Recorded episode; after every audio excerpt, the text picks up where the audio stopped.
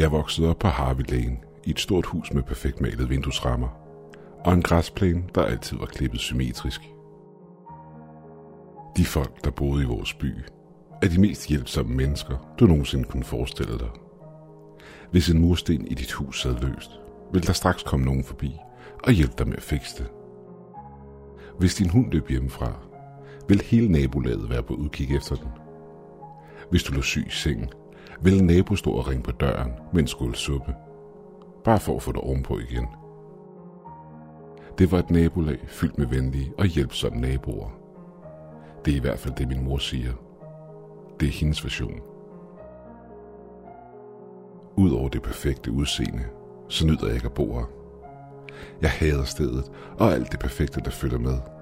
Da jeg ved, ingen kan være så glade og venlige hele tiden. Jeg ved med sikkerhed, at det er jeg ikke.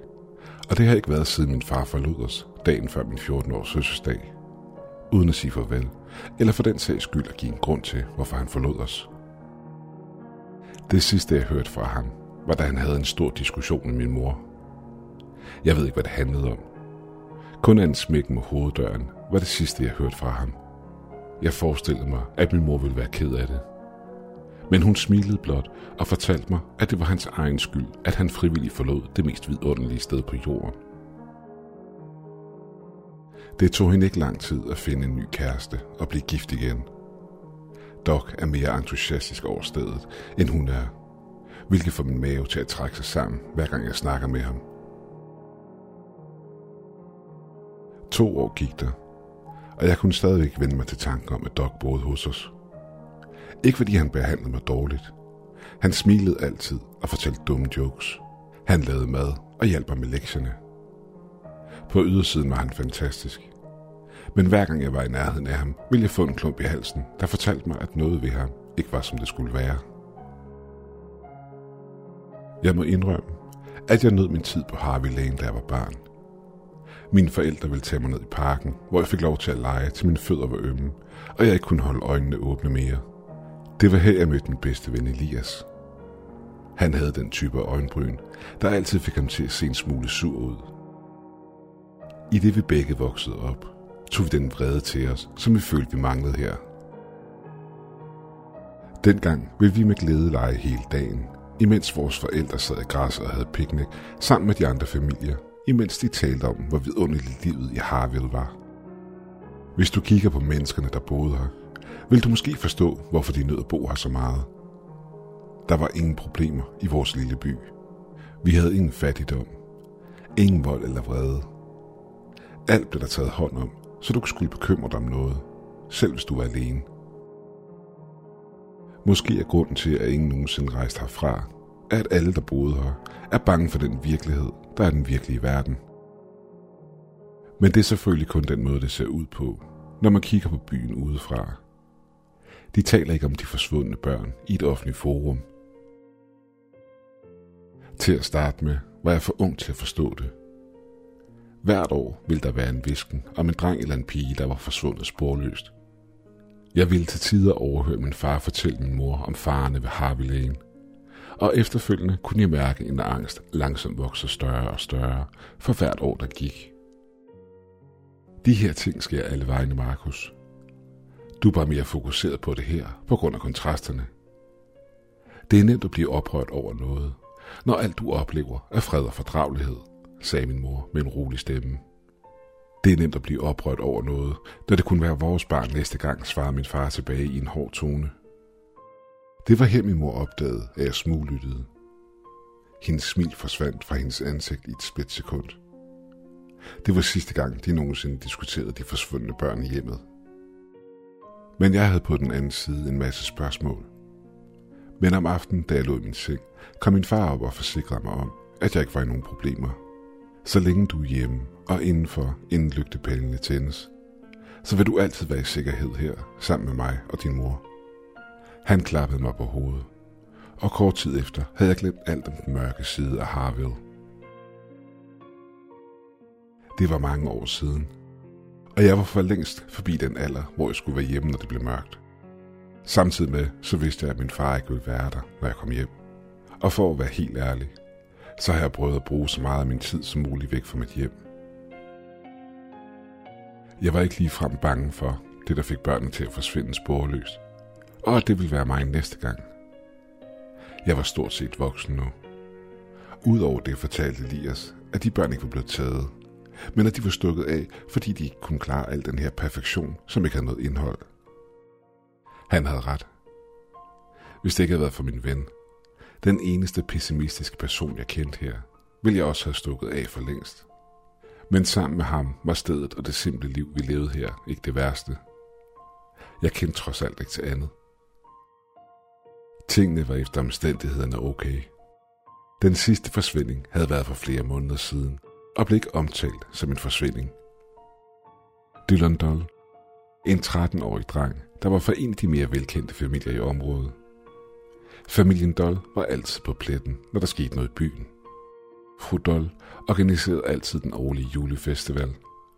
Hun ville skaffe det største træ til bymidten, stå for dekorationerne og stå i spidsen for julekoret, der gik igennem byen. Herr Doll var leder for byens grundejerforening. Det var ham, man skulle snakke med, hvis du ønskede bare den mindste ændring i byen. Hvilket han altid sagde nej til, med det mest venlige smil.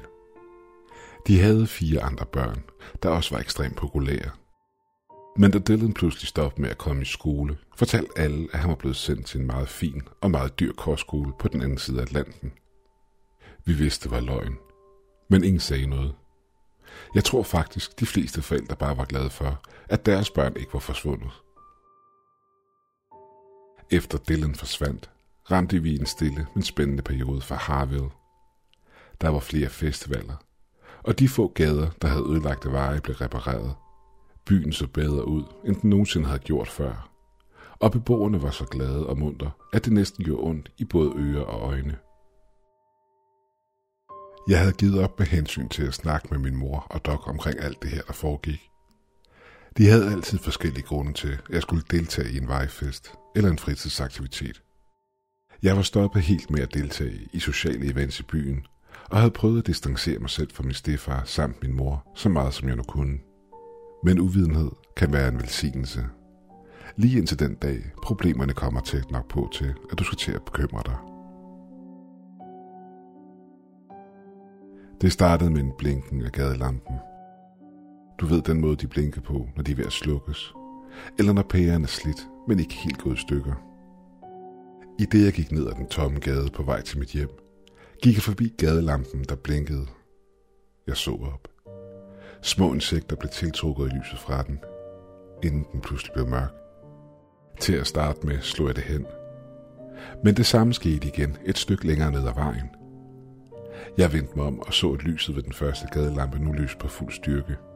Jeg fortsatte ned ad vejen, imens hver en gadelampe, jeg passerede, blinkende fuldt efter mig. Det var lige indtil jeg begyndte at løbe. Jeg løb hen imod den pastelgrønne dør på mit barndomshjem. Jeg for ind og smækkede døren bag mig. Langsomt kiggede jeg ud af vinduet, imens mit hjerte hamrede i brystet på mig. Alle gadelamperne udenfor var slukket. Jeg sukkede dybt og fortalte mig selv, at det nok bare var en strømafbrydelse, da det skete tit her. Men da jeg trykkede på lyskontakten ved siden af døren, var hjemmet ikke længere henlagt i mørke. Hvad laver du her?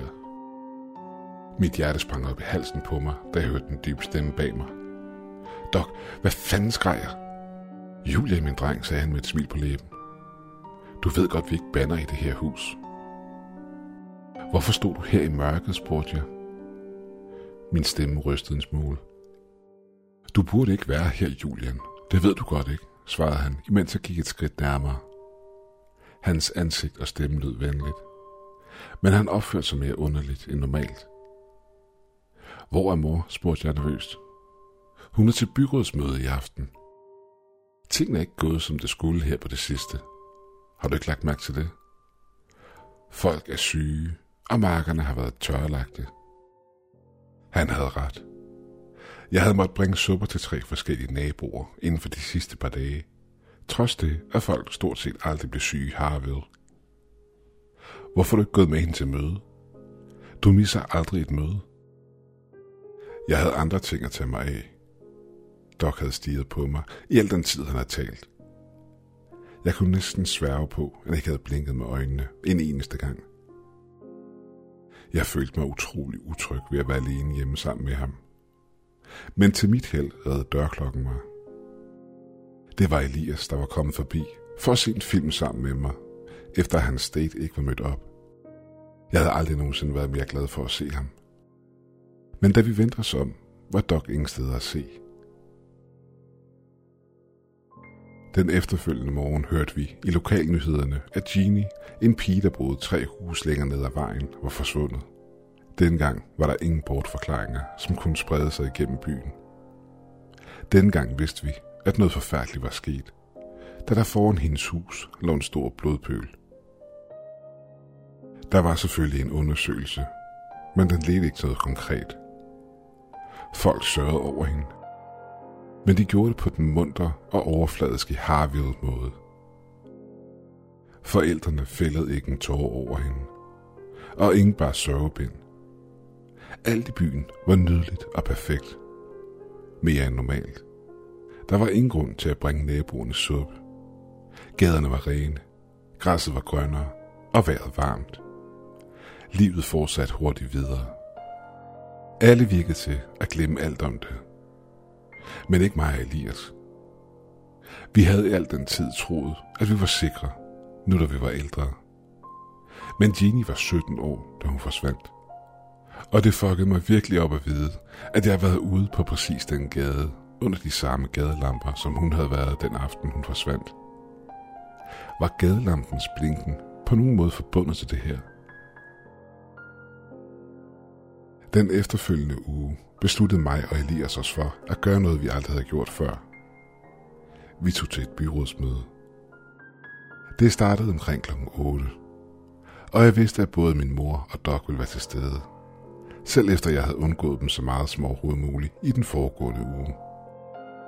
Jeg havde set min mors store smil, i det hun stod og forberedte en omgang røræg, imens hun nonchalant snakkede om pigen, der var forsvundet, og hvor svært det ville være at fjerne blodpletten på vejen.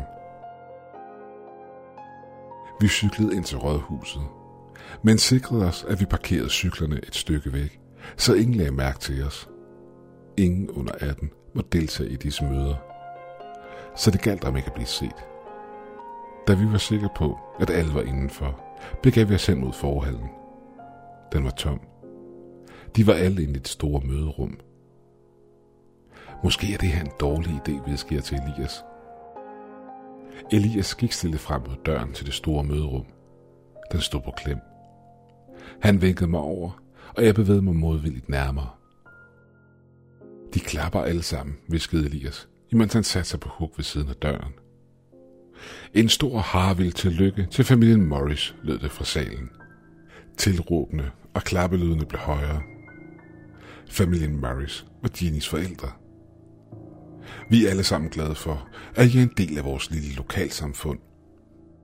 Vi ved alle, hvor vidunderligt og ærefuld en offring er, råbte herr Dolce forsamlingen. Alle vores familie har givet, og vi vil alle modtage, som det skal og bør være. Mit hjerte hamrede brystet på mig. Jeg ønskede, nej, jeg krævede at høre, hvilke sataniske idéer de hyldede så åbenlyst. Men efter tilråbene og jublen havde lagt sig, fortsatte de blot deres normale dagsorden, som om intet var sket. Offringer, hvad fanden, nærmest råbte Elias i det vi kom udenfor. Jeg forholdt mig i stillhed. Jeg havde vidst i lang tid, at noget var helt galt med den her så perfekte lille by – men ikke hvor galt det i virkeligheden var. Hendes forældre havde offret hende til Gud ved hvad. Hvilket fantastiske nabolag, tænker jeg vredt for mig selv, imens hele min krop rystede. Jeg kiggede på Elias, imens jeg mumlede. Jeg tror, det var meningen, at jeg skulle forsvinde. Jeg tænker på gadelamperne, og det, at hvis jeg ikke var blevet bange, var jeg ikke løbet hele vejen hjem. Det var som om noget prøvede at advare mig. Eller måske endda nogen. Måske havde min far ikke forladt byen frivilligt alligevel.